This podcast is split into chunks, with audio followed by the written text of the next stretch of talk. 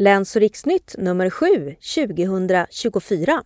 En oberoende taltidning för dig i Stockholms län.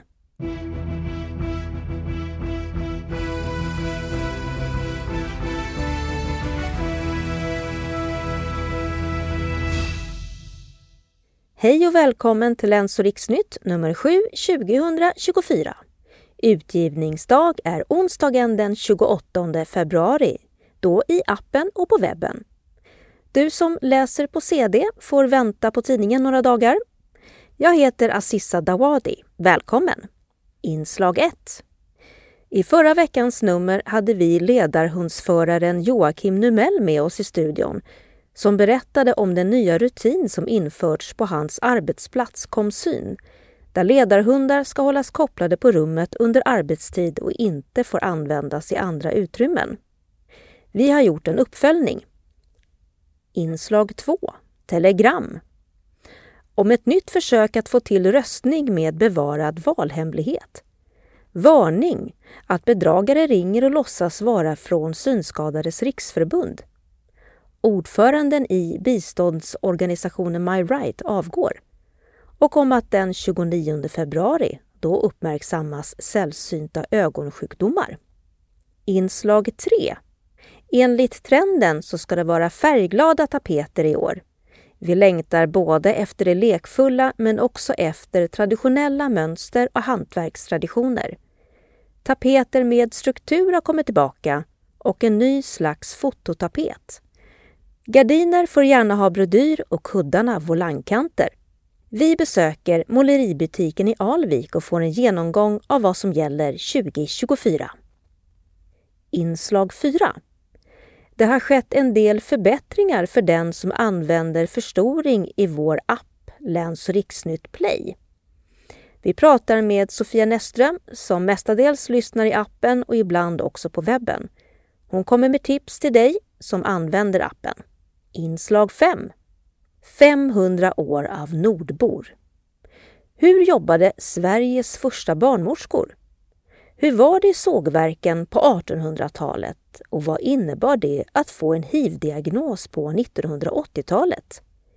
På Nordiska museet har den nya basutställningen Nordbord slagit upp portarna och vi får möta människor genom ett halvt årtusende av historia. Inslag 6, annonser och meddelanden. Sist i tidningen så hittar du en redaktionsruta. Där har vi våra kontaktuppgifter. Du kan både mejla och ringa oss. Gör gärna det om du har synpunkter eller tankar på det som du hör i tidningen. Vi önskar dig en trevlig läsning. Hej så länge! Inslag 1 I förra veckans nummer hade vi ett inslag där ledarhundsföraren Joakim Numell berättade att det införts en ny rutin på hans arbetsplats Komsyn, en av regionens fyra hjälpmedelsverksamheter. I den stod det att om man har ledarhund så gäller citat Hunden ska ligga still och vara kopplad i medarbetarens arbetsrum under arbetsdagen.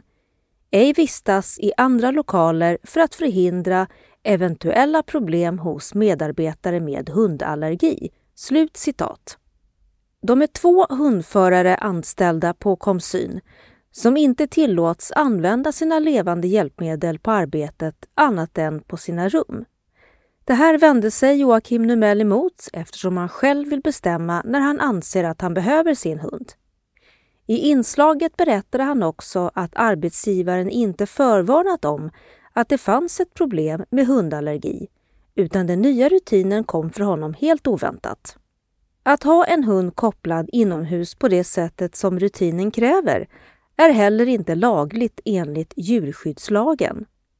Vi har vid upprepade tillfällen sökt Victoria Edefur, verksamhetschef på Komsyn, för en intervju, vilket hon har avböjt. Vi ringde upp Joakim Numell och frågade hur situationen ser ut nu, en vecka senare. Eh, det har inte hänt så supermycket. Vi har haft ett möte där vi i alla fall har inlett en dialog om att försöka hitta lösningar. Eh, och det har väl mest gått ut på att vi ledarhundsförare på arbetsplatsen framför våra behov just av att använda våra ledarhundar och möjliga tänkbara lösningar på det. Då. Men eh, det är ungefär där det står. En av eh, rutinerna var att ledarhunden skulle hållas kopplad inne på rummet under dagtid, förutom då vid rasttillfällen som ju är olagligt enligt djurskyddslagen. Har arbetsgivaren eh, svarat på den kritiken? Ja, man har backat på, på den, just den formuleringen att hunden ska vara kopplad på rummet och det är ju som sagt, det, det bryter ju mot djurskyddsförordningen så det är ju det är bra att man har gjort det, för den hade man ju missat. Kommer du kunna använda ditt hjälpmedel nu där du själv eh, önskar? För det var det som du framförde sist, att du själv skulle få bestämma när du anser att du behöver din hund eller inte. Ja, det är ju fortfarande min och eh, vi ledarhundsförares inställning och eh, nej, vi, man har inte backat på den punkten. Som sagt, i alla fall inte ännu arbetsgivaren vill bestämma när du ska använda ditt hjälpmedel. Har jag förstått rätt? Ja, man, man eh, vill ju att den ska förvaras på arbetsrummet egentligen då. och eh, nu ska man ju komma med ett eh, motförslag efter, efter det här mötet och det har inte kommit än så att där vet vi inte riktigt ännu hur det, hur det blir så att säga. Men än, än så länge är det den här rutinen då, förutom koppeltvånget som gäller. Så det är det som är skillnaden bara koppeltvånget då? Ja, ingen annan skillnad. Hur, eh, hur tycker du att det, det känns? Nej, det, det är inte bra och det, det varken känns rätt eller, eller kan vara rätt. Det, det är ju ändå ett, liksom ett orienteringshjälpmedel och ett väldigt viktigt sådant. och andra har ju liksom redan gjort bedömningen att vi, vi behöver våra hjälpmedel. Det är ju svårt för någon annan tänker jag att komma och bestämma det. Och det är som sagt, det, det begränsar ju oss på arbetsplatsen och i arbetslivet så att nej, det, det, är, inte, det är inte bra. Har du haft eh, en dialog med personen eller personerna som har den här eh, starka allergin mot hundar? Nej, det hade jag ju tyckt eh, har varit det logiska första steget i en sån här process om man upptäcker att man har problem på en arbetsplats. Det är ju att prata med varandra och komma överens men, men vi vet faktiskt inte ens vem eller vilka personerna är. Man säger bara att de finns, så det finns ingen sån direkt kommunikation. Har ni diskuterat några, några framkomliga förslag hur eh, situationen skulle kunna lösas så att både personer som har allergin och att ni som hundförare kan arbeta på samma arbetsplats?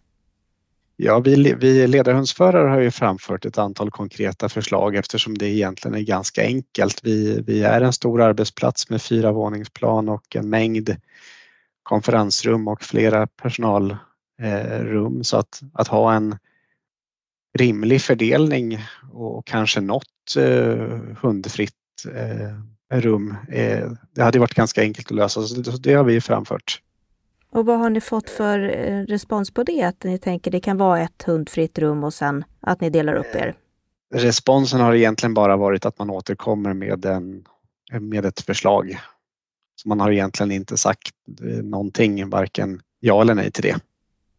Du har också eh, lämnat in en eh, anmälan till DO, Diskrimineringsombudsmannen. Ja, det stämmer. Vi båda ledarhundsförarna har, på arbetsplatserna har lämnat in en, en eh, sån anmälan för att det helt enkelt ska prövas. Förhoppningsvis att, att DO ska välja att pröva det här och se om det kan vara rätt att det går till på det viset. Så även om ni kommer överens här, det är ju inte färdigförhandlat här mellan, ni är inne i en dialog nu, så har du ändå lämnat in den? Ja, den lämnade jag ju in på en gång. Jag, jag har inte tagit tillbaks den och eh, kommer man överens eh, så tillvida att, att jag, som jag tycker att man helt enkelt ska avskaffa den här rutinen eller policyn och eh, utgå ifrån att man löser problemen när och om de uppstår, då är det väl en sak. Men jag, jag tycker ändå att det är viktigt att det prövas. Eh, både för, för min skull och för, för framtiden och, och för andras skull så att säga. Tack Joakim Numell för att du var med oss den här veckan också. Tack så mycket. På Diskrimineringsombudsmannen, DOs hemsida, kan man läsa att ledar och assistanshundsförare omfattas av förbudet mot diskriminering som har samband med funktionsnedsättning. Vidare står en viss typ av funktionsnedsättning har inte företräde framför en annan.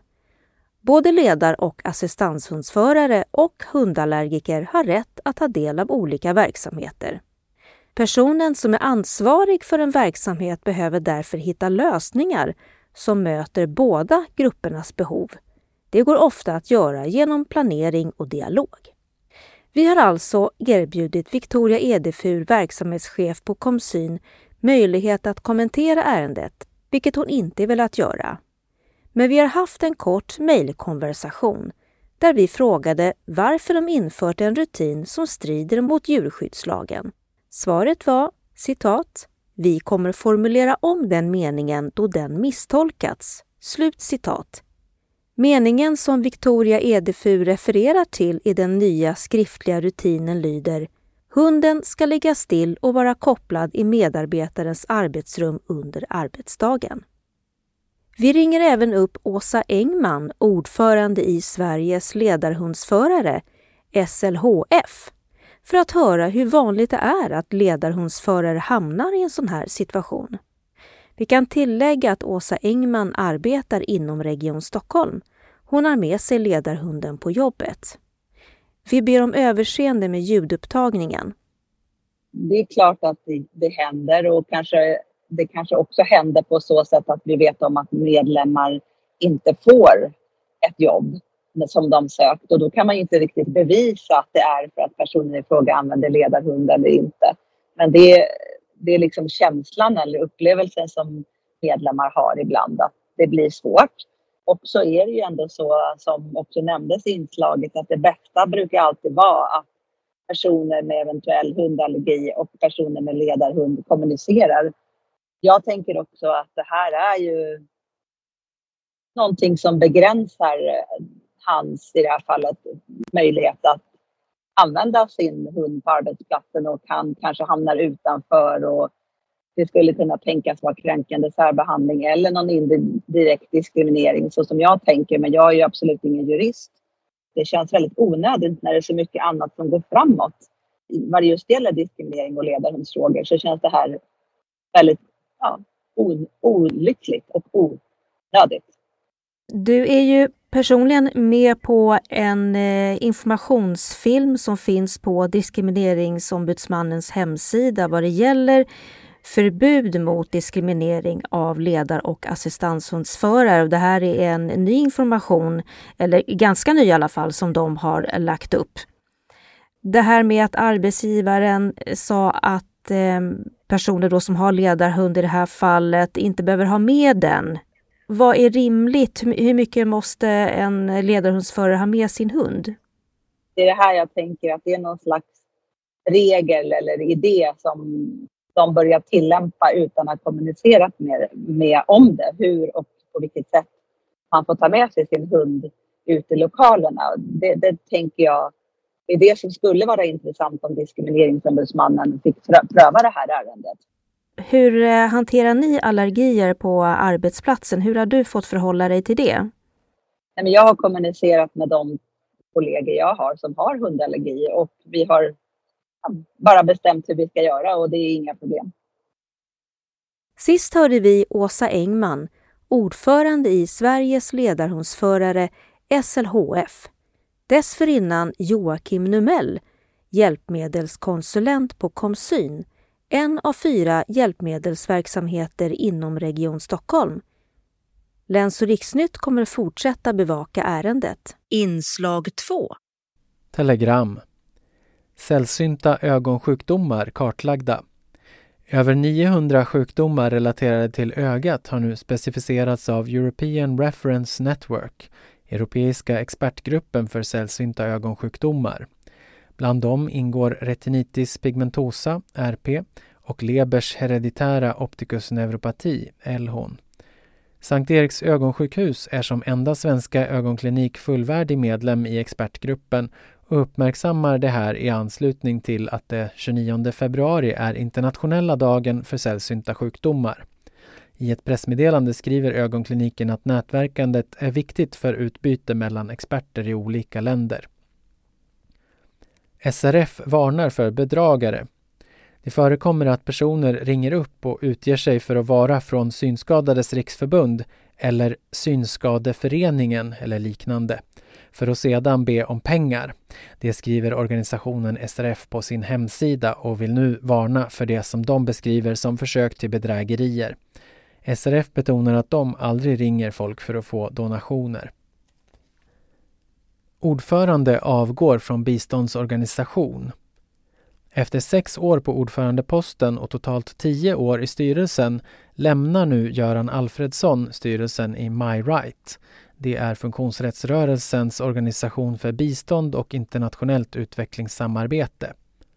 Göran Alfredsson lämnar sitt uppdrag av hälsoskäl och säger i en intervju med Dövas tidning att hans hjärtefrågor har varit att alla funktionsnedsatta i andra länder ska ha en god levnadsstandard. Att kunna få ta körkort, ha ett jobb och försörja sin familj. Att känna sig stärkt, våga ta plats och tala för sig inför beslutsfattare. Ny utredning om valsedlar. Oklar effekt för synskadade. En utredning om valsedlarna i våra allmänna val har nu tillsatts. Och ett av förslagen som undersöks är om gemensamma eller neutrala valsedlar som man till exempel skriver en siffra på kan göra det lättare för personer med synnedsättning att rösta. Att det för många med synnedsättning inte går att personrösta med valhemligheten i behåll, det har påpekats länge. Riksdagen gav tidigare i uppdrag till regeringen att till 2022 ta fram ett fungerande system. Men så skedde inte. Istället la nuvarande regeringen samma år ner ett projekt på Valmyndigheten som hade utvecklat förslag till lösningar. Den nya utredningen ska vara klar under nästa år, men det är oklart om eventuella förslag kan tillämpas till riksdagsvalet 2026. Inslag 3 På väggen så är det en tapet som går ända upp till taket, mörkgrön. Och så är det en fallande blomsterregn kan man säga, som om man hade satt en spaljé i taket man ser inte träet naturligtvis utan bara de hängande rankorna. Och ska det rinna ner från taket sådär? Ja, det ska den. Paneltapeter som det kallas för eh, är väldigt inne nu. Förut, fototapeter vet de flesta vad det är för någonting. Men det ska vara målat, tecknat, det ska vara konst på väggen. Gärna uppifrån och ner eller nerifrån och upp. Så att man får en känsla för känsla är riktigt viktigt. Det är orange och, och, och lite rostrött, vinrött. Inga knalliga färger utan mer, som du säger, lite målat som en renässansmålning. Ja, men... Gud vad jag tar i här. jo men det är härligt. Jenny Grip, du är färgsättare och expert här i måleributiken Alvik bland tapeter, färgprover, tyger och det är det vi ska gå igenom. Och här har du också en bild, för att man förutom alla tapetrullar och tapetprover som vi ska titta på senare så kan man ibland också få en bild där man kan se hur tapeten ser ut i ett helt rum. Och här är det som man sitter under en hängpil. Ja, vi har faktiskt tapetserat med den där i vårt konferensrum. Och det är ju en helt annan stämning när man sitter där tillsammans och ska ha möte. Och då är det så att där skarven går mellan väggen och taket då hänger det ner rankor av pilgrenar. Lite sparsmakat med där uppe och sen så, ja, mer än halva väggen så hänger de ner. Inte för mycket utan lagom. Ja, det skapar lugn. Och det fina med den här är att den finns även i ett linnetyg med samma. Så att vi har då på våran skjutglasvägg i vårt konferensrum har vi ju hängt den gardinen också. Så att när man drar för där så känner man sig verkligen innesluten i det här. Och det känns luftigt eh, och naturnära fastän man sitter i ett fönsterlöst källarutrymme. Och det är helt underbart. Och det fina med den här typen av paneler där mönstret eh, går uppifrån och ner är ju att man faktiskt får plats med möbler inunder. För många fototapeter eller andra paneler det behöver fri yta. Ställ, ställer man en, en hög skänk eller någonting sånt för, då, då tappar man ju hela bilden. Men det gör man inte med de här. Så det är lite uttänkt och sen är det faktiskt inte så att man sitter i en gammaldags barndjungeltapet utan det är väldigt diskret, liksom lite som olivträd tänker jag, lite blå, grönt och eh, bakgrundsfärgen är också lite Lite grå. Den är lite spräcklig så att man nästan anar en lövskuggighet. Och det, det är väldigt harmoniskt. Så det är det här man ska ha nu alltså? En utav grenarna. Som de senaste åren har det ju inte varit en trend. Det är ju flera trender samtidigt. Kan man ha en sån här tapet trots att det är dörrar och fönster emellan? Eller det är tänkt att det ska vara åtminstone en hel vägg? Ja, annars, annars får man ju inte upplevelsen när mönstret blir upphackat. Man brukar säga att ju mindre väggytor så får man ta lite mindre mönster eller någonting som åtminstone är väldigt eh, jämnmönstrat över ytan för att inte motivet ska bli avskuret här och där. En annan trend som är nu är material. Mycket imitationer, man vill ha känslan av textila tapeter fast det är så himla dyrt. Så att man har gjort imitationer och man ska kunna känna. Det ska både se ut som och kännas som sjögräs eller som linne eller som andra typer av textilier eller så. Med det gamla 70-80-talet med, med de här vävgrejerna, vävtapeter är tillbaka? Mm, ja, fast i en lite lugnare och stramare form kan man säga och mer färgglad. Kan du visa? Absolut! Här finns det ju massa såna här äh, kataloger som man drar ut och så kan man se tapetprover i dem. Och känna. Och, känna, ja. Och känna. Jag skulle säga, komma till det. Här har vi ett exempel. Känner man på den så känns det ju att det inte är textil. Men visuellt så kan man inte se någon skillnad. Och känner man så känner man verkligen strukturen av en linneväv. Av plast då? Ja, det är vinyl för det är det enda materialet som man kan eh, få det här djup, djuptrycket i, eller vad man ska kalla det för.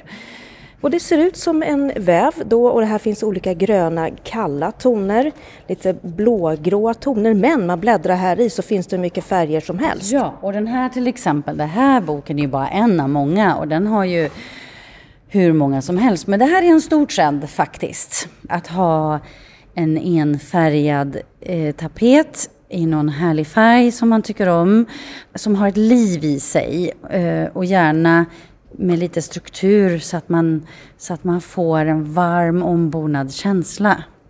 För när jag tittar på de här färgerna så är det inget som är knalligt utan det är lite jordfärger, det känns liksom naturnära.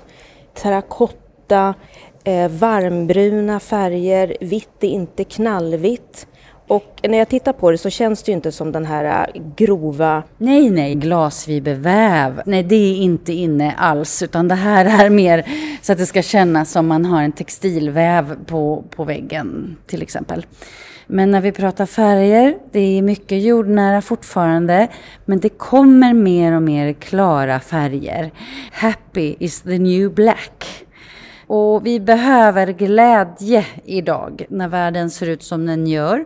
Och vi har eh, kommit ur den här långa perioden av ljust och fräscht. Där alla skulle ha kritvitt överallt. Nu vill man ha glädje och värme omkring sig och gärna lite busigt och knasigt. Här har jag tagit fram en kollektion som verkligen har knalliga färger. Det är organiska mönster, det är mycket blad och blommor. Och blanda mönster i samma rum kommer stort. Glada former, lite eh, 80-tal, 70-80-tal börjar komma mer och mer med breda ränder, kanske snerandigt. Eh. Nej, men du, det här är en bild på hur det kan se ut och när jag ser det så tänker jag, men vänta lite här nu. Eh, beskriv nu, för det här är ett sovrum med en tapet som finns i olika färger och den, från början kan man ju se att det är som eh, rutigt, eller vad ska jag säga, eh, men det är slingrande mönster. Beskriv tapeten. Det är ett så kallat trellismönster, snedrutor som bildas av små tusenskönor. På en ljus botten på bilden så är det blåa skälkar och vitgula blommor. Och Sänggaven är nästan molnformad och klädd i ett eh, lejongult sammetstyg. Vi har ett eh, överkast som är blåvitrutigt med volang. Dekorationskuddar i olika storlekar och former varav en är blåvit, en är gulvit randig på snedden och en är med blå lönnlöv på. Så att man ska blanda mycket färger och mönster som ändå bildar en harmonisk helhet. Och sen är det ju volanger, alltså det känns så 80-tal. Ja, det känns väldigt 80-tal. Den har jag personligen svårt att förlika mig med. Men den yngre generationen som inte var med då, jag tycker det här är jättespännande. Och det i det här lite, jag får ju en sån här känsla, lite blommigt rum fast inte på ett gammaldags sätt utan på gränsen till plottrigt här. Eh, det är ju då helmålat, både själva lådorna och kommoden i en mörkblå färg med vita blomrankor och Topparna då är också vita blommor, ganska stora. På den en lampa som är Orangevit-rutig i foten i en kub och sen är det bast på lampskärmen. Och bast och rotting kommer ju stort. Och det var det ju på 80-talet också. Så att vi är där igen. Alla trender är ju cirkulära. Sen har vi ytterligare en trend. Och den är lite mer eh, klassisk och elegant. Och det är ju att på tygfronten så är det mycket brodyr. Men är det romantik på gång här? Ja, kanske. Men i trenderna som kommer över alla de trenderna som finns samtidigt så är det ett genomgående tema att hantverk och hantverksskicklighet eh, är väldigt omtyckt. Och även om tyger är maskinbroderade på fabrik så krävs det en hel del av operatören. Det är ingenting som görs enkelt. Även om det naturligtvis är enklare än om någon skulle sitta och brodera för hand hela tygstyckena. Eh, organiska mönster sa du och här är det ju lönnlöv, ganska stora. De är ju 10 cm i diameter. Det är ju flera stycken blad men de har också sina små skälkar kvar. De är liksom inte flytande fritt utan man får en känsla av att man tittar in i ett grenverk. Eh, och bakgrunden då, den är ju nästan så här petrol mellan ja. grönt och blått. Så att det här är ju väldigt, väldigt mycket färg alltså. Ska man ha ett helt rum i det här? Absolut kan man ha det. Sen är det ju det där med vad man vill ha för känsla i varje rum. Um, en del kanske tycker att det här är fantastiskt att ha he hela sovrummet för att det ger en, en mörk och mysig atmosfär. Hall kan det också vara väldigt trevligt att komma hem till när det är lite mer eh, färg och värme. Men den är ju lite mer okonventionell att ha i vardagsrummet till exempel, där man kanske har mycket tavlor och ska titta på TV och så. Men det skulle också fungera med den här för att den är så pass lugn. Även om mönstret är stort och det är mycket färg så är kontrasterna inte så starka mellan mönster och bakgrund. Eh, när du sa knalligt då, och då tänker jag ju så här, ja men liksom rosa, rött och gult. Det är liksom... Ja, men vänta, det, det finns ju. Titta på den du. Den där är lite lätt hysterisk. Det här är ett väldigt eh, blommigt, tätt mönster i väldigt skarpa färger. Vi har lila, vi har cerisrosa, vi har eh, starkt bubbelgumsrosa, orange, orangebrunt, limegrönt och citrongult i ett sammelsurium av olika blommor när jag visar den här för att visa trender så skrattar alla. Och det är ju det som är meningen. Det här är happy. Men var ska man ha det då? Ja, för det första ska man ju gilla färgerna. Men så får man ju hitta det där utrymmet där man kan tycka att det här är lagom. Det kan vara inne i en klädkammare eller det kan vara på en vägg i hallen eller på gästtoaletten ovanför en panel till exempel där det inte blir så mycket av den. Alltså. Men det här med fondtapet som var tidigare, är det fortfarande så att man bara kan ha en liten sån där knäpp tapet på ena väggen eller ska man ha? Absolut, absolut. Allt handlar om balans. Har man ett kritvitt rum Eh, och vill göra någonting och få in färg men kanske inte göra om precis överallt. Då kan man ju ha en sån här galen tapet på en vägg till exempel och fånga upp såna här starka färger an, i andra delar av rummet. Kanske i det här fallet kanske man väljer en eh, och måla en stol orange. Man kanske vill ha rosa gardiner på ytterligare en vägg och en matta som innehåller kanske ett par av de här färgerna också. Då får man färg på flera delar av rummet utan att behöva ha den här tapeten överallt. En annan sak som efterfrågas mycket är ju historiska tapeter eller gammaldags mönster i nytryck. Och då finns det ju både mönster som är nytryckta Eh, men det finns ju också många tapeter som har en gammaldags stil som ändå känns moderna också. Det är inte bara happy och knasigt, så var inte rädda nu ni som har lyssnat så här långt och är förskräckta, utan det finns, det finns tapeter till alla.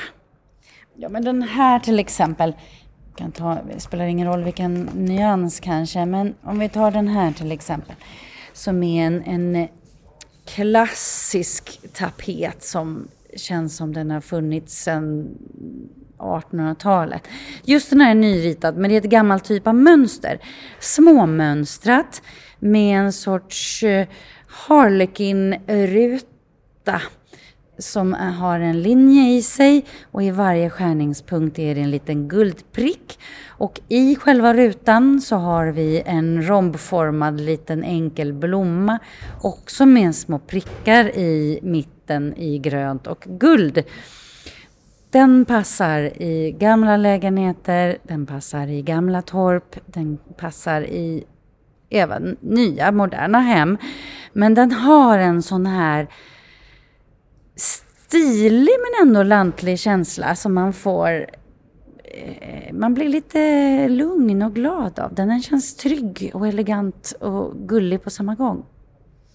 Eh, den är ju liksom en matt, jag ska inte säga lindblomsgrön, vad är det för, ja, en, en matt nedtonad lindblomsgrön och själva blomman då är någon slags eh, lite kallare vit färg.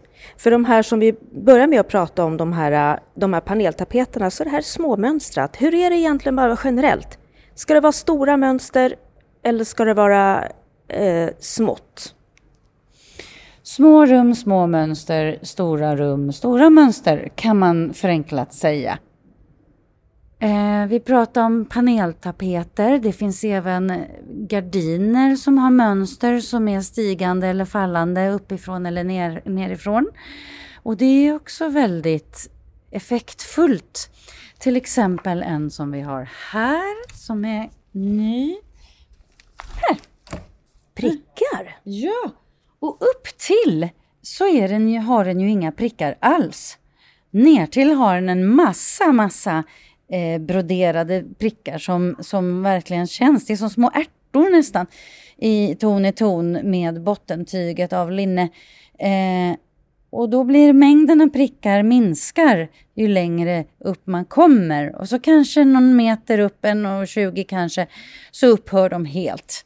Då är gardinen slät upp till. Jag får en känsla av det, det är mycket krig, det är mycket väldigt svåra saker som händer i världen. Vi går tillbaka till lite nostalgi, lite romantik, lite trygghet, lite kulturarv, nationalism höll jag på att säga. Tillbaka till något säkert så ska vi ha det lite kul också. Ja, precis. Och det är därför som till exempel rottingsaker och, och så har börjat bli inne. För det är också sådär basalt överallt i världen att fläta korgar och eh, ta material från naturen. Så det är ju en typisk en sån sak. Men om man inte ser så bra, vilken hjälp kan ni erbjuda då? Vi försöker alltid hjälpa till efter bästa förmåga, alltid. Man kan ju komma hit på vardagarna, då är det mindre kunder. Jag skulle avråda en helg när vi har väldigt mycket kunder här. Vill man så kan man också boka färgsättningshjälp en timme, en konsultationstimme eh, som kostar 950 och då ägnar man den åt det kunden vill. Men har vi tid så hjälper vi ju naturligtvis till med sådana här saker ändå. Hundar är alltid välkomna och särskilt ledarhundar. Och det sa Jenny Grip, färgsättare på måleributiken i Alvik. Inslag 4 För dig som aldrig använt vår app LOR Play tidigare eller för dig som kanske tittat på den men inte tyckt att den funkat så som du vill så kommer här lite tips och det har också blivit lite uppdateringar som gör den mer användarvänlig. Vi ska prata med Sofia Näsström som både lyssnar i appen och på hemsidan. Ja, precis. Jag lyssnar eh, kanske 90 procent i appen och ibland går jag in på hemsidan. Men jag tycker att det är trevligt att gå in på hemsidan ibland och få en bild till reportagen. Du använder ju förstoring. Hur tycker du att det funkar till exempel hemsidan och äh, jämfört med appen och sådär med förstoringen? Nej, men jag tycker båda funkar bra. Jag har inte tänkt på att jag har några liksom, problem som stör mig. Liksom, utan det, för mig funkar det smidigt. Vi håller på att utveckla vår hemsida också kan jag passa på att säga nu här. Vi ska uppdatera den och göra en ny version som kommer under det här året är tanken. Så att eh, om det är så att man har synpunkter, någonting man tycker borde funka på ett annat sätt eller som inte funkar bra idag så kan man gärna höra av sig till oss. Eh, nu har du öppnat eh, appen och för att hämta den, då, du har ju iPhone, så var hämtar du din app? I App Store så gick jag in och sökte på Länsrix och då fick jag upp den som första förslag då. Valde jag då att ladda ner den. Ja, Läns och riksnytt kan man alltså skriva, eller man kan också skriva LOR Play som appen heter då. Och då ska den komma upp. Och annars kan man höra av sig till oss, till Anita Maddock. Så kan man få lite hjälp om hur man hittar den. Man kan också få eh, att vi skickar ett e-post med en länk eh, till hur man får appen. Om vi tittar hur det ser ut då när du öppnar den här. Då ligger senaste numret här.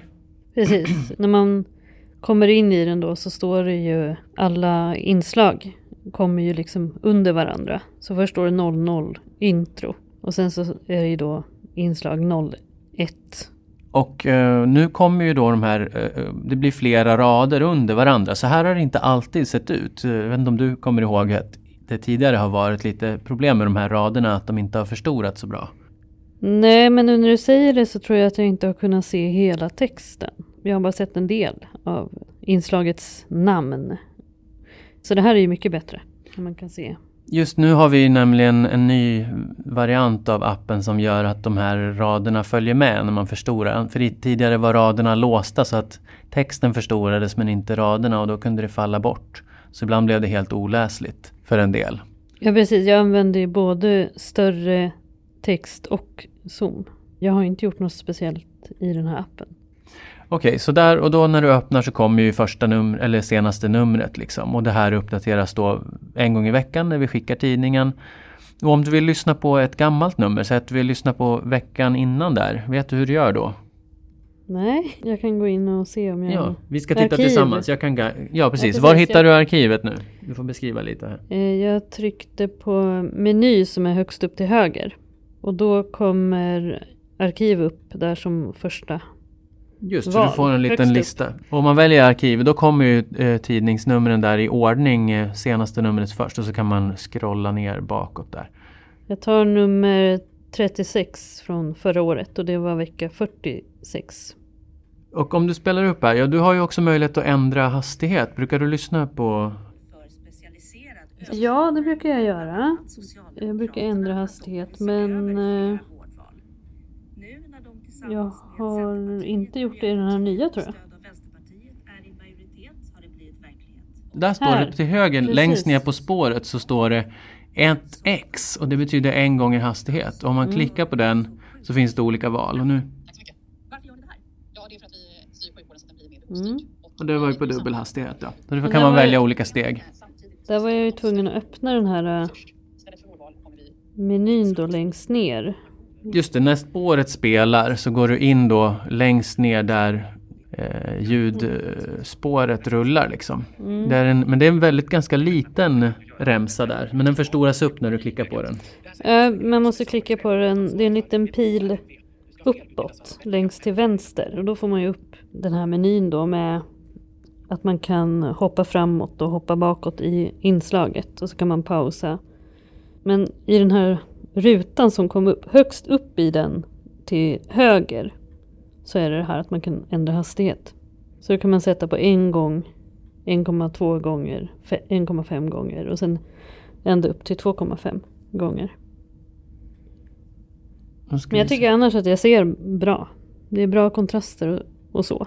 Förutom då här uppe där det står eh, meny Just det, den är väldigt ljus. på, på vit botten. Så det, det skulle man ju kunna göra i en annan färg. Det är samma sak med, vad står det där, tillbaka. Ja, vi ser den här översta raden i appen där är inte bra på den här versionen. Men den ser lite annorlunda ut i en Android-telefon. Har du ändrat något med någon så här mörk och ljus Nu version? har jag utan inverterade färger. Och det är någonting du ändrar i telefonen om Mm. du vill invertera? Ja, Men då, det syns ju ganska dåligt här också. ja det gör du. Där är det- på mörkt istället mörkblå på mörk bakgrund.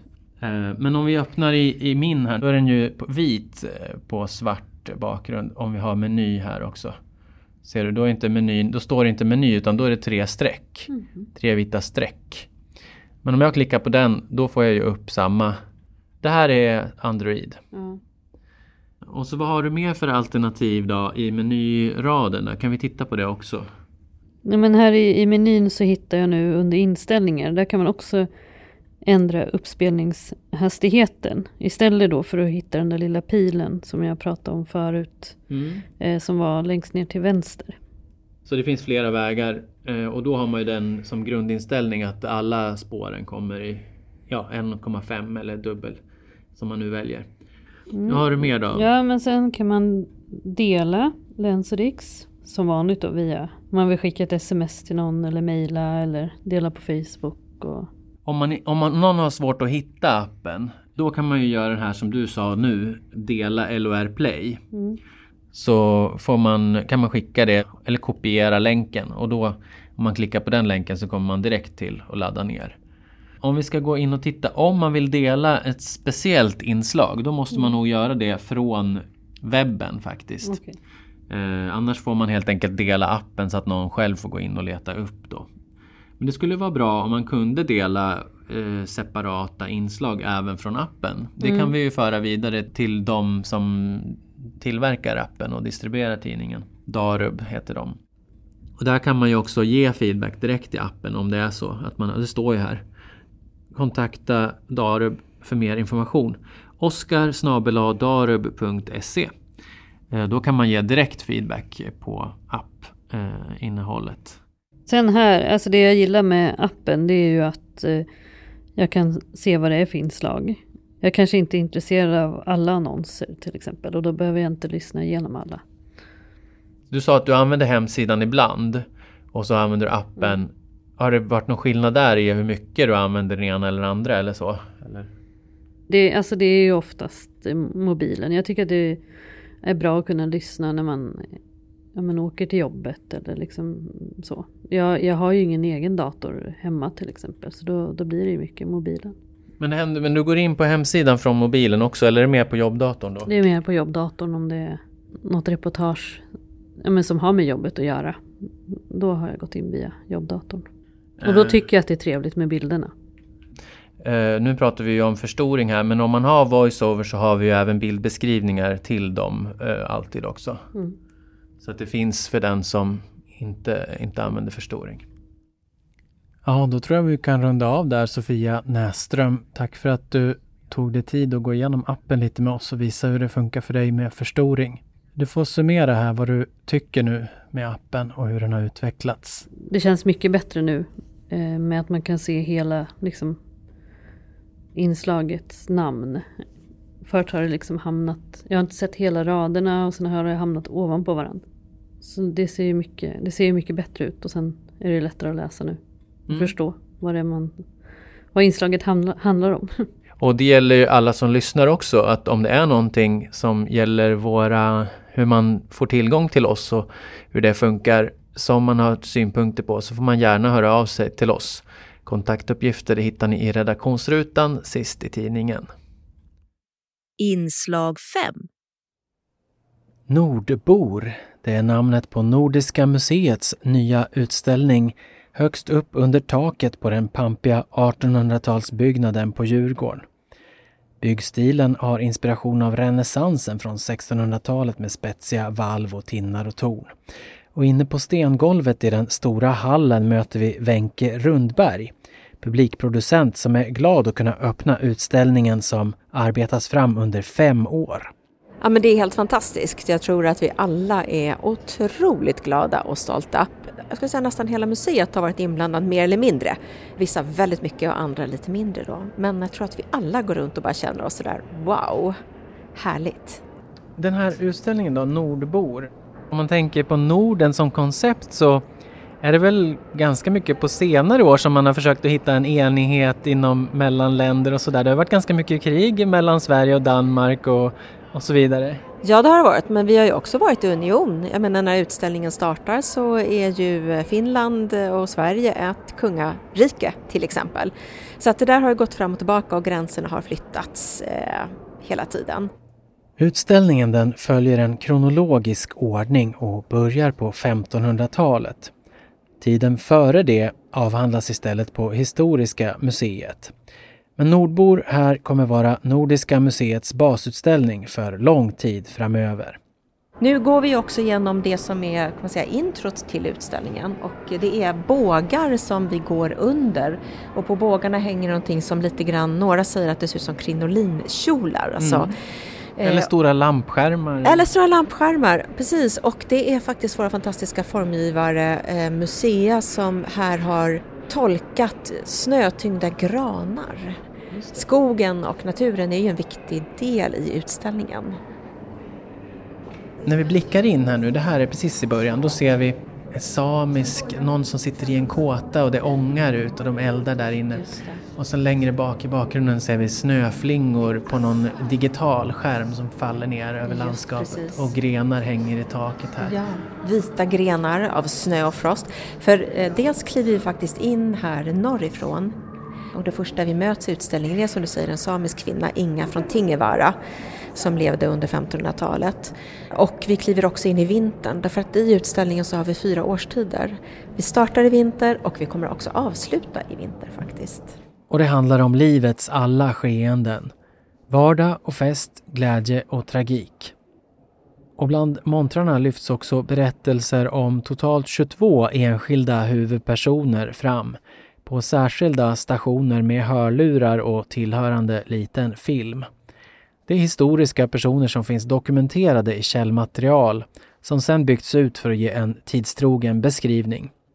Här möter vi en av Sveriges första barnmorskor från 1700-talet och sågverksarbetaren Anna Karlsson som lever på 1800-talet i Dalarna och så konstnären Lars som på 1900-talet får en hiv-diagnos och utvecklar aids. Och så alla dessa föremål. Mer än 4 000 föremål finns utställda. Här har vi en stor näverkont, eller vad är det för någonting egentligen? Precis, det är en samisk eh, barnvagn, vagga, kont för barn. Ett fantastiskt praktiskt sätt att ha sina barn nära. Det ut som det går att både bära och hänga Ja, upp. det och- går att bära, man kunde hänga den som en vagga. Man kunde också hänga den på sidan om renen. Eller när det var vinter och snö, när man skulle färdas långt och kanske hade en akja, alltså den stora slä, släden här bakom. Och där kunde den ligga och mysa. Här finns både vapen som vittnar om konflikt och orostider och så jordbruksredskap. Vi har ju an använt naturen som resurs och gör det verkligen än idag. Och här har vi till exempel en gammal bistock som är en, en tidig eh, bikupa. Eh, vi har ju yxor och annat för du hämtade ju näver och ved och virke i skogen. Du plockade bär i skogen. Skogen skinn. Var viktig. Skinn för djur, precis. Du jagade i skogen. Så skogen var en väldigt viktig resurs men också en plats som kunde vara lite farlig. Det kunde finnas lite väsen där ute. Och... Apropå väsen, är det en eh, älgskalle det här eller vad är det för någonting? Nej, det där är faktiskt en hästskalle och den har hittats under ett hus i en skånsk by som då tillhörde Danmark. Och den är en sån där skalle som bara kunde bringa tur och skydda, lite skyddande som jag har förstått det. Än så länge finns tyvärr ingen syntolkning, men det finns en audioguide som man både kan låna på plats eller hämta hem till mobil. Det går att låna, vi har ett litet antal som vi lånar ut, annars så laddar man ner den och det kan man göra hemifrån. Och eh, sen lyssna i sin egen telefon då på plats med hörlurar så att man hör ljudet och inte stör alla För andra. åtminstone i den här delen är det ju ganska mycket som är bakom glas så man kan Ja. liksom inte ta Nej. på någonting utan Nej, precis. Och det är ju som det är med museiföremål. De här museiföremålen eh, finns ju här för att vi ska kunna ha en direkt länk tillbaka till historien. Eh, men de är också otroligt känsliga föremål och de här är så dyrbara. Även om det kanske inte alltid ser ut som det så är det sådana här enkla saker som en koskälla till exempel som kan berätta någonting om livet förr. Och så finns det digitala skärmar för att titta närmare på utvalda föremål. Och där finns det foton på föremålen så då kan man titta in i montern och se vad det är för något lustigt föremål och sen kan man leta upp det. Vet du om man kan zooma på dem där och förstora Ja, upp? precis. Vad bra att du frågade. För att eh, i vårt nästa steg, vi är ju färdiga med utställningen men det finns fortfarande inte minst tekniska justeringar kvar att göra. Och det ligger som nästa steg. Dels att vi ska kunna ladda hem, att du ska kunna faktiskt titta i din egen telefon och Just det. använda din egen padda. Och då kan du också läsa den texten på det sätt du själv vill. Är det syntetisk text, är det talande text eller är det förstorad text? Eh, och det är liksom nästa steg. Sen ska det också kunna göras på skärmarna. Jag vet inte hur långt bort det ligger. Jag pratade med min kollega som eh, har övergripande koll på detta och hon sa att vi jobbar på det men hon kunde inte säga något datum. Okej, vi fortsätter. Ehm, Jag kan försöka beskriva lite vad vi ser. Här är någon form av snöskor tror jag som är plattor och som man har med... Här är snöskor men det är inte riktigt dem. Hittar inte jag dem här. Jo, där. Där ska vi se vad det är. Också snöskor fast för hästar. Ja, såklart. Jaha, det var ju intressant. De är ju lite tyngre. Det är alltså träplattor i botten och sen har man någon form av bågar som ser ut som rotting eller någon form av trä som man har flätat. Och visst får vi genom människornas vardagsföremål en bild också av de stora dragen i historien. Här med Gustav Vasas stora och på sin tid mycket impopulära förändringar som mötte uppror. Och sen har vi också några helgon, Maria helgon och andra helgon i montern. För det här är ju tiden när Gustav Vasa bestämmer att vi ska gå till en annan trosinriktning. Vi ska bli pro- protestanter lutheraner. Just det, man har varit katoliker Man har innan. varit katolik och då förändras väldigt mycket i människors liksom, vardagsreligiositet. Nu ska man inte till exempel offra till helgonen längre, det får man inte göra. Men eh, den här eh, reformationen tar ju lång, lång tid för att människor hänger ju kvar vid det gamla och även vissa präster tydligen. Så det är inte så lätt att bara växla om. Det märks tydligt när man går mellan olika rum och tidsepoker, både i färgtoner och i miljöljud. Det är ganska diskreta ljud men det kan också säkert vara påfrestande för den som har behov av en tyst bakgrund för att höra bra. Temana skiftar och markerar övergången mellan rummen. Ett ljust vitt rum är byggt som en avskalad modell av en gatumiljö med husfasader.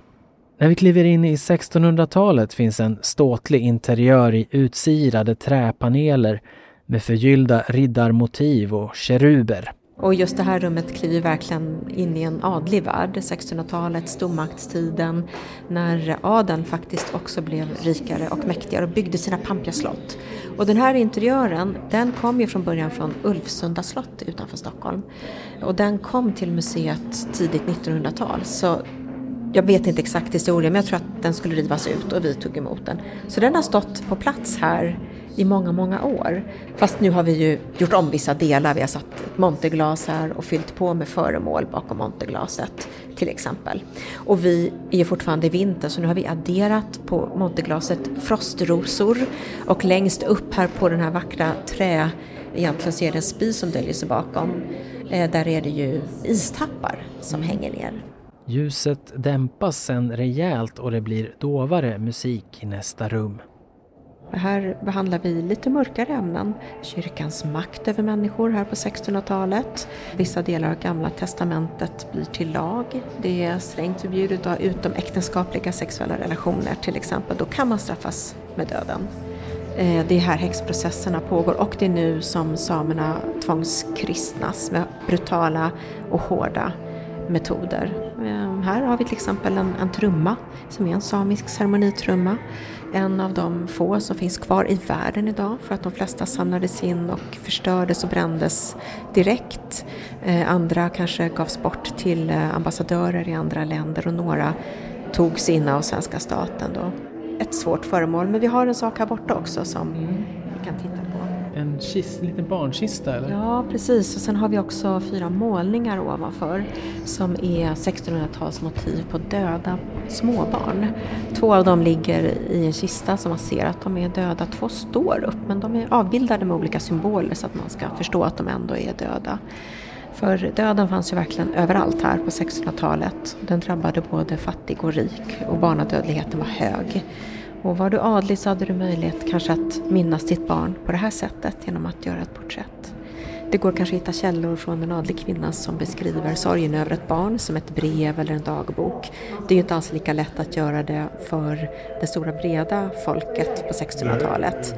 Vi ska ju säga det, det här är ju Nordiska museet och utställningen heter Nordbor. Så det här handlar liksom alls inte bara om svenska perspektiv utan det är material och, och perspektiv från de andra mm. nordiska länderna finns också här. Ja, det gör ju det. Vi har gått förbi några nu som eh, till exempel eh, skånska helgon. Som var dansk då på den tiden? Exakt, de var danska men det skånska hästhuvudet det var ju danskt då till exempel. Mm.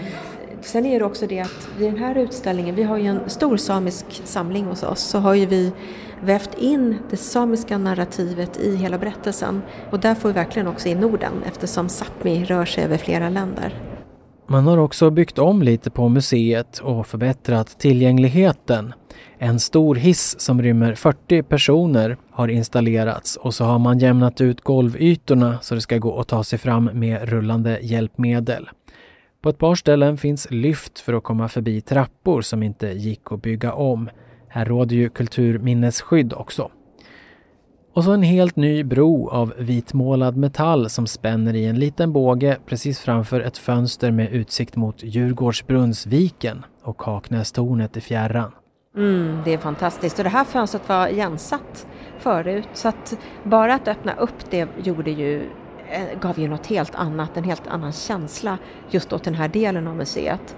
Och bron är ju en del av tillgänglighetsarbetet, att vi verkligen ska kunna göra plan 4 tillgängligt. Det gick inte att ta sig runt hela plan 4 tidigare om du rullade, det var omöjligt. Så att det här är, vi är jätteglada för den här. Bron den ligger halvvägs längs den 126 meter långa salen som man kan blicka ut över här. Tvärs över golvet, drygt 20 meter ner, syns en stor skulptur av Gustav Vasa, som också är ett av museets gamla kännetecken. Efter bron träder vi in i 1700-talet genom en modell av en buxbomshäck med realistiskt målad trädgårdsgrönska och snirkliga blomrankor i taket.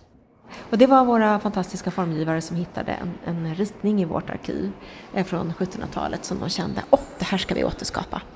Och sen är det vår också.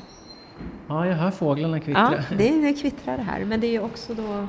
Jag brukar säga att eh, 1700-talet, då blev vi ett mindre land efter stormaktstiden, men vi var också fattigare land med ett stort överskott på kvinnor och barn eftersom många män hade gått bort i kriget.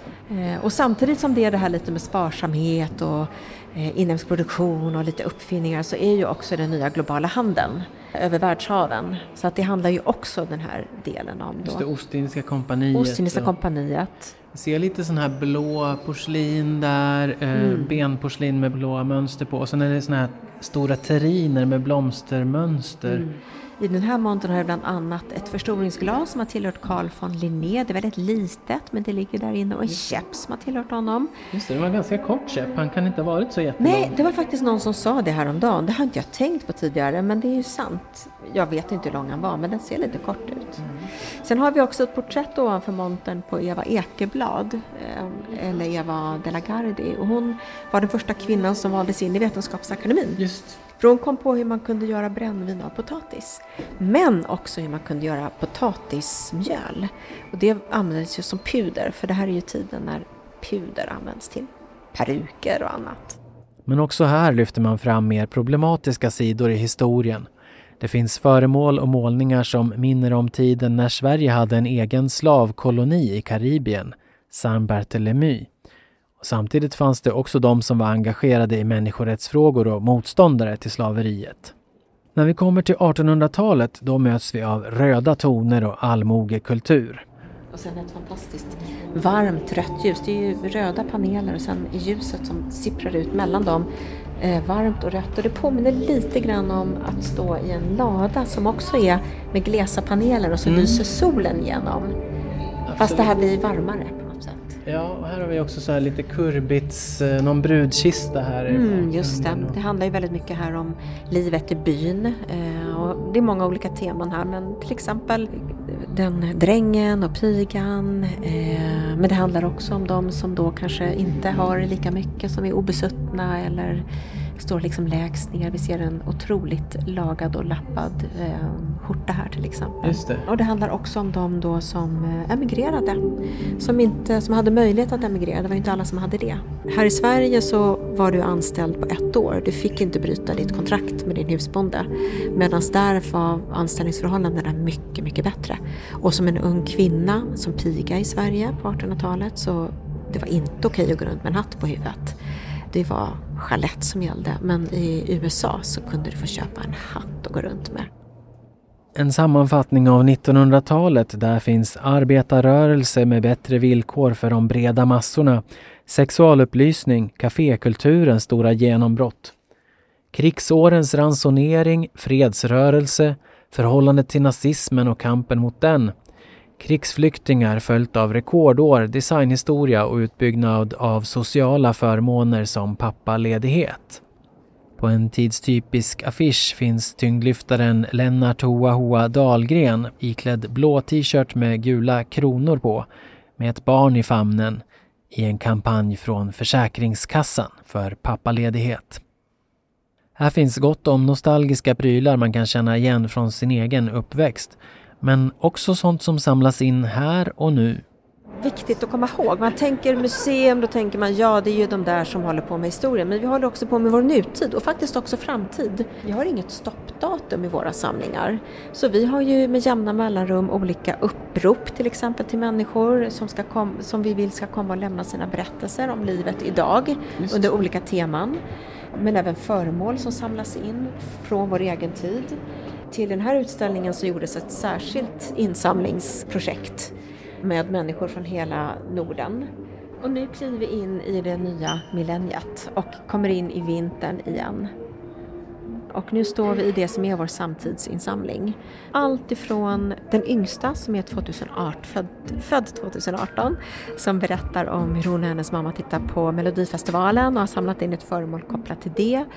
Det finns föremål ifrån en person som har gjort, eh, som har bytt kön. Vi har till exempel här en vinflaska från en eh, man som är uppvuxen i Köpenhamn men som kände att han ville flytta ut på landet så att han bor nu i, eh, på Finland och börjat eh, odla vindruvor och göra eget vin.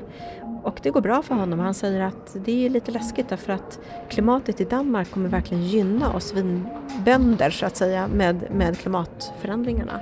Det blir bara varmare och varmare.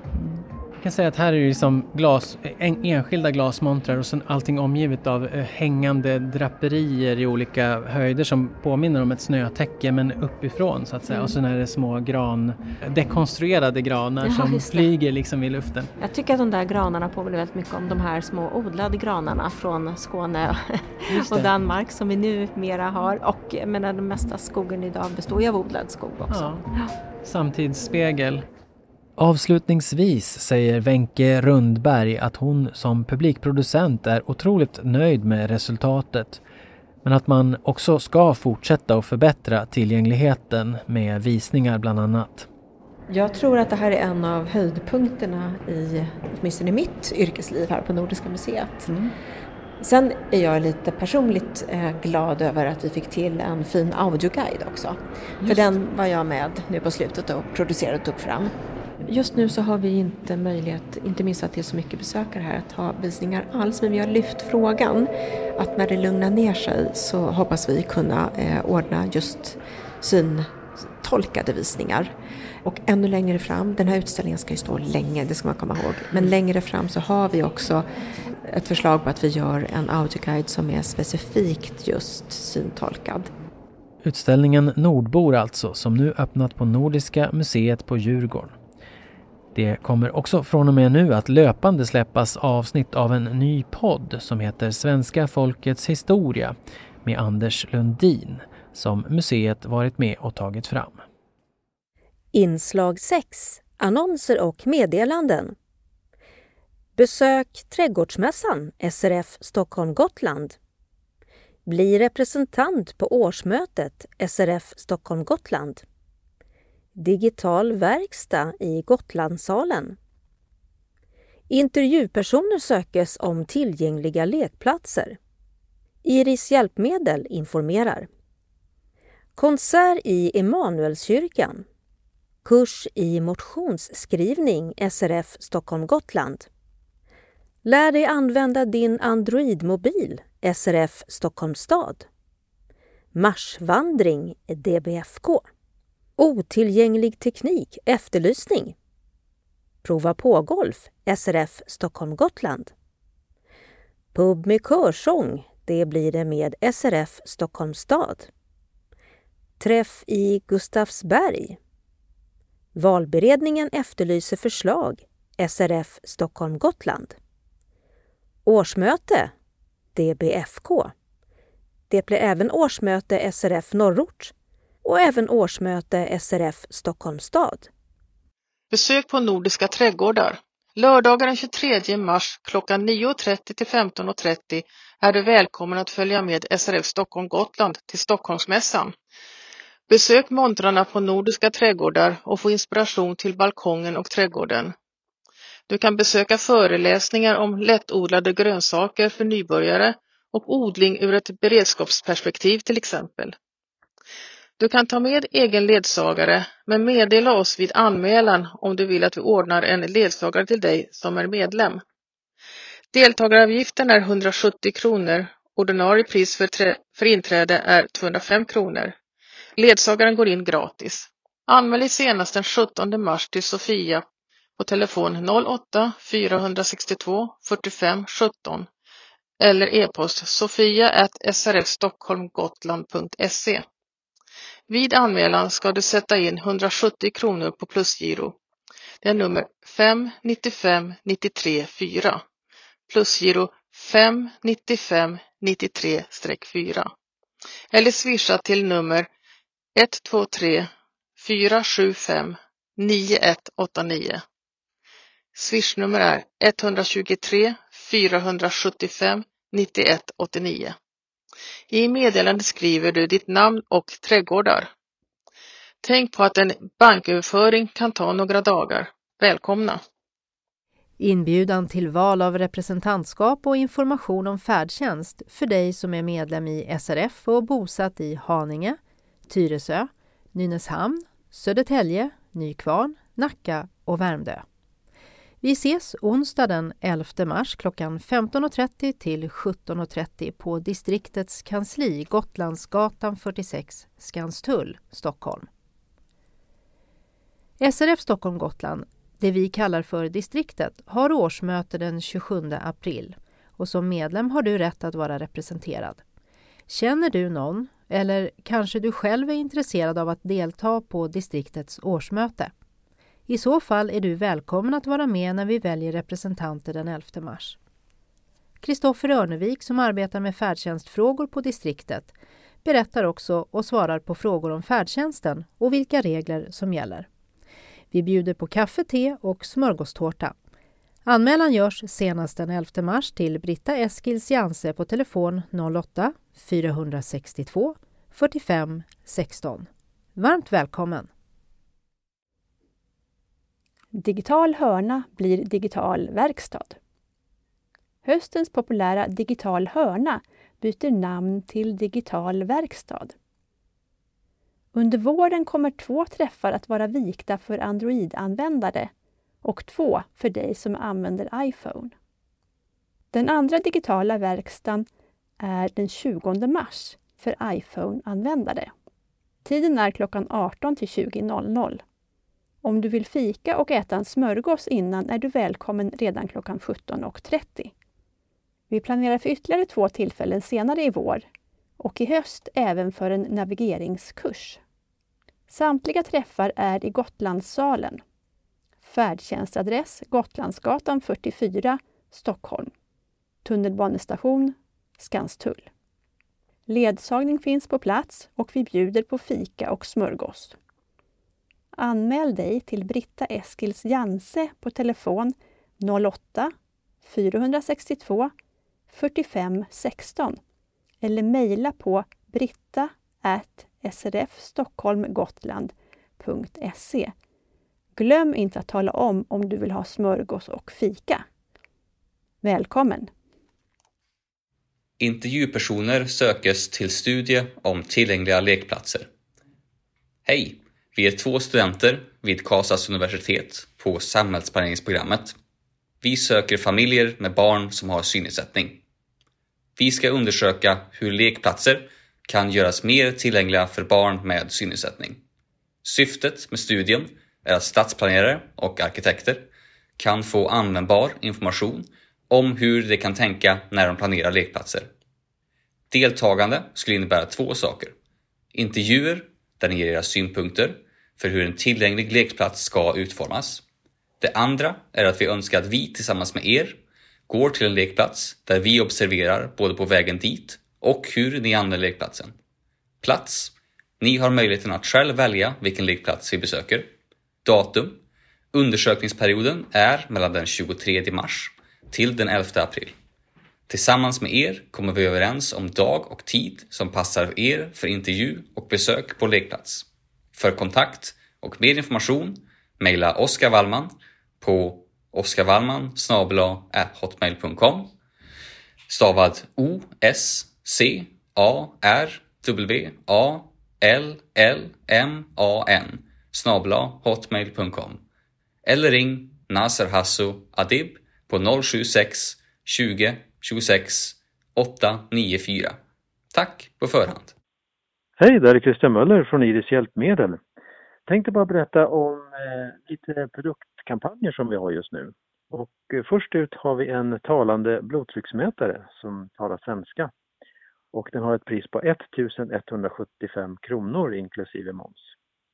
Jag vill också tipsa lite om vår butik och showroom som man kan besöka på Östgötagatan 83 som har öppet mellan 12.30 till 17 måndag till fredag. Och vill man ha mer information då får man gärna ringa till oss på telefon 08 39 94 00 och vi har telefontider vardagar 9.30 till 11.30. Och man kan också besöka vår hemsida på www.irishjalpmedel.se för att få mer information om våra produkter. Välkommen till oss på Iris Hjälpmedel! Tycker du om sång och musik? Ja, då tycker jag att du ska komma på min konsert tisdag den 5 mars klockan 13 i Manelskyrkan, Kungstensgatan 17. Ja, ni undrar väl vem jag är? Jag heter Berit Selin och är sångerska och sångpedagog. Mitt program heter Stella non vedente. Ja, en stjärna som inte ser.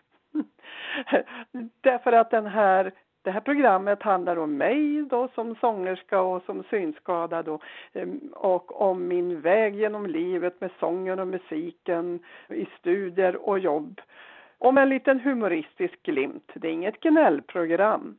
Vad är det för musik då? Ja, jag sjunger bland annat låtar om mig själv som jag har skrivit. Bland annat har jag gjort en knäpp låt som handlar om färdtjänsten. Snälla taxiförare. Det är nog många som kan känna igen sig i den låten tror jag. Sen är det lite gamla godingar, lite mitt eget land och eh, olika låtar. Jazz, pop, visa, lite klassiskt och så vidare.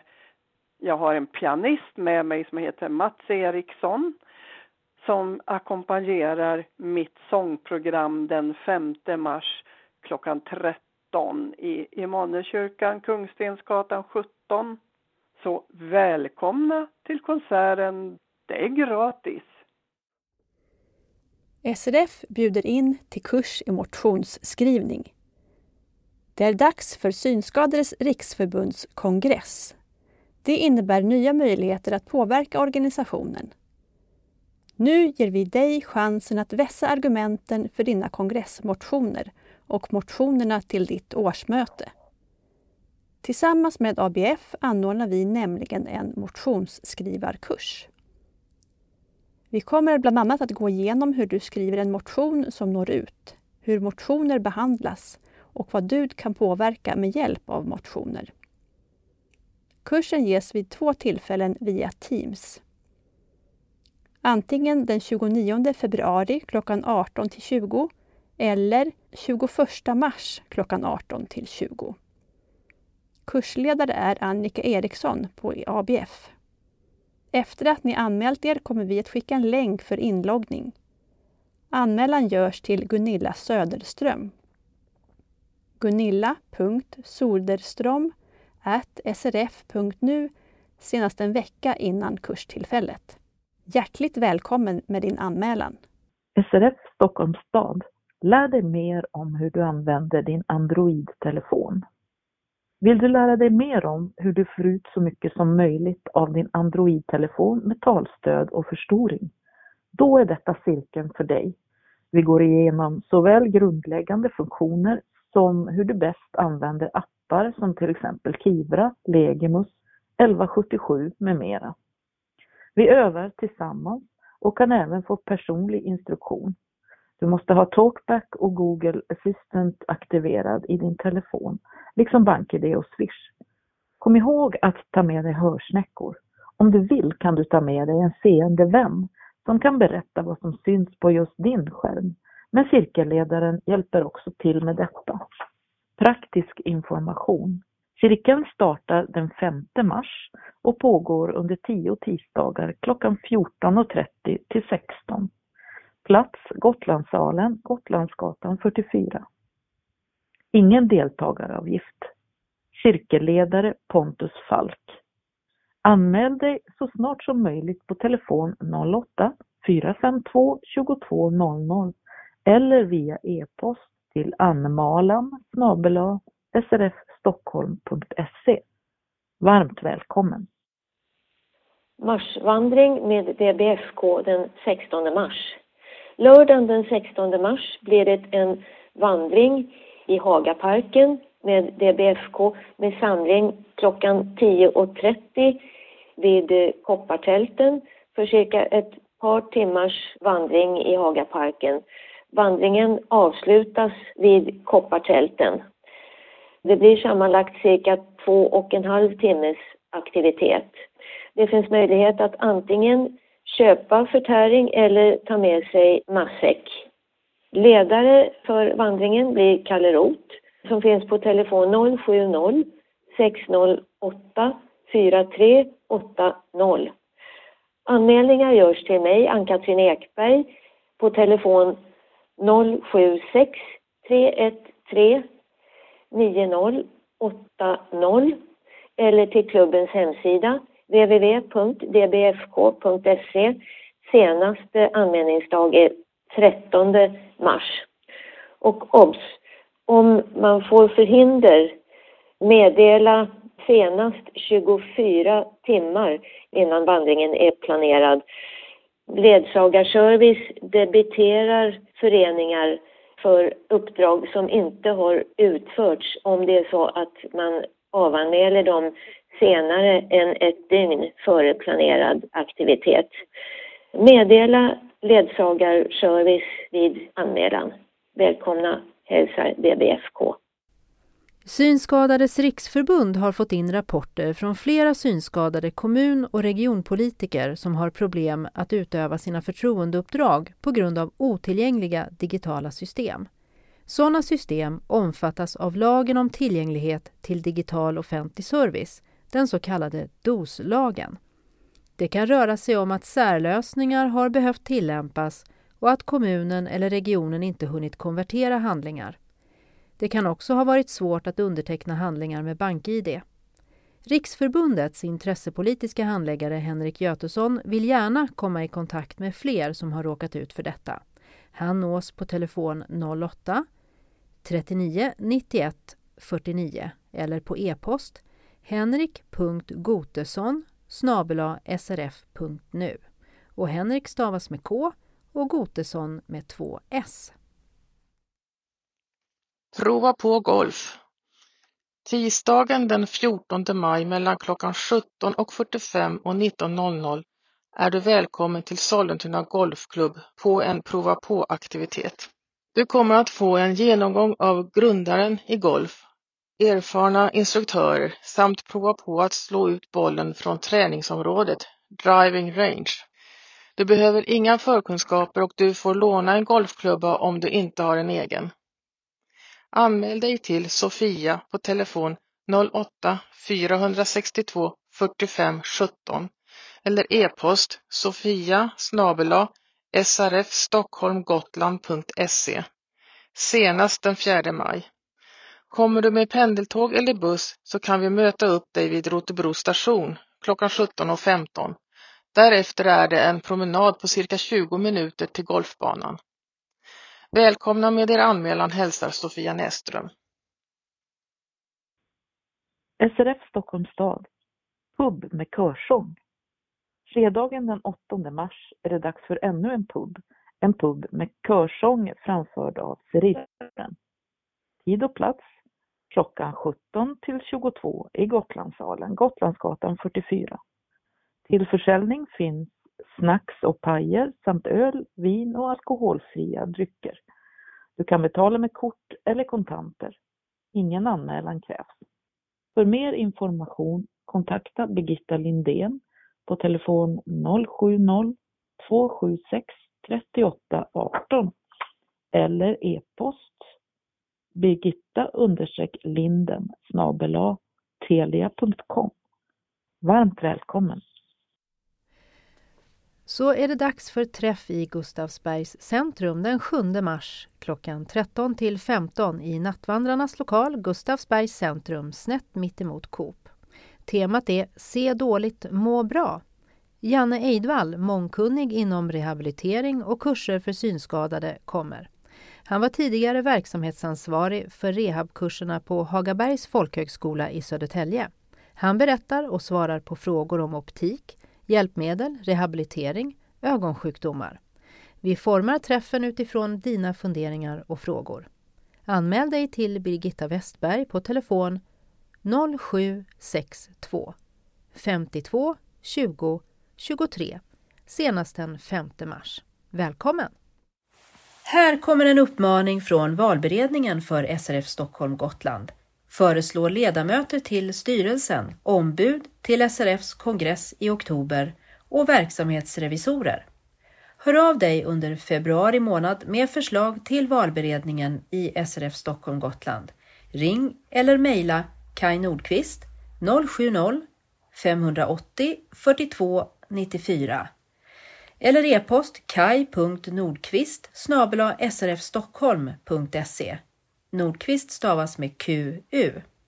Arvid Lindén 0761 04 15 25 eller Mattias Lundberg 070 523 52 95 e-post m.lundberg telia.com till styrelsen i distriktet ska väljas en ordförande på ett år, fyra ledamöter på två år och två ersättare på ett år. Ombud och ersättare ska väljas till kongressen i SRF i höst 2024 och två verksamhetsrevisorer ska väljas, en ordinarie och en ersättare. Alla förslag måste ha kommit in senast den 29 februari och de du föreslår måste ha tackat ja. Kallelse till årsmöte med DBFK. Medlemmarna i De blindas fritidsklubb kallas till årsmöte onsdagen den 27 mars 2024 klockan 18.30. Plats Gotlandssalen, Gotlandsgatan 44. Efter mötet blir det förtäring i påskens tecken. Handlingar skickas ut med marsnumret av DBFK-bladet där också övrig information om årsmötet kommer. Välkomna hälsar DBFK. Hej, annons från SRF Norrort angående årsmöte. Bästa medlem, härmed inbjudes du till årsmöte i SRF Norrort. Tid, måndagen den 4 mars 2024 klockan 14 till cirka 16. Plats, Danderyd seniorcenter, Edsviksvägen 1A, Danderyd. Motioner till årsmötet ska vara inkomna senast den 21 februari till SRF Norrort, Kärå, Stockholm, Gotland, box 20074 10460 Stockholm eller till Anita Maddock på mail enligt nedan.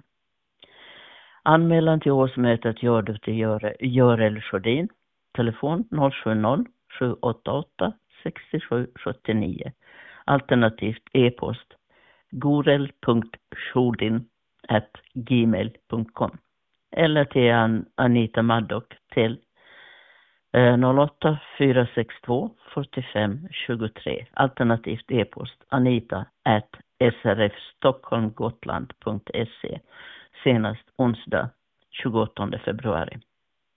Efter årsmötet bjuder SRF Norrort på en god landgång, kaffe, te och kaka. Vi behöver din anmälan senast onsdagen den 28 februari. I anmälan meddelar du om du vill stanna kvar och äta samt eventuellt glutenfritt. Varmt välkomna, önskar styrelsen. SRF Stockholms stad. Kallelse till årsmöte 2024. SRF Stockholms stad håller sitt årsmöte torsdagen den 14 mars klockan 18.00 i Gotlandssalen, Gotlandsgatan 44, Stockholm. Från klockan 17.00 serveras kaffe eller te och smörgås. På årsmötet behandlas bland annat verksamhetsberättelse, bokslut, motioner samt styrelseval. Vill du ha möteshandlingarna måste du anmäla dig senast fredagen den 23 februari på telefon 08 452 2200 eller via e-post till anmalan snabel srfstockholm.se. Handlingarna kommer även att kunna laddas ner från föreningens hemsida www.srf.nu Stockholm. Självklart har du som medlem yttrande, förslags och rösträtt även om du inte anmäler dig i förväg. Vill du ha fika före mötet måste du meddela detta senast måndagen den 11 mars. Du måste ha betalat medlemsavgiften samt vara närvarande i möteslokalen när röstlängden upprättas. Motioner och uttalanden. Som medlem kan du lämna in motioner till årsmötet. En motion är ett skriftligt förslag om vad föreningen ska göra. Sista dag för att lämna in motioner är torsdagen den 1 februari.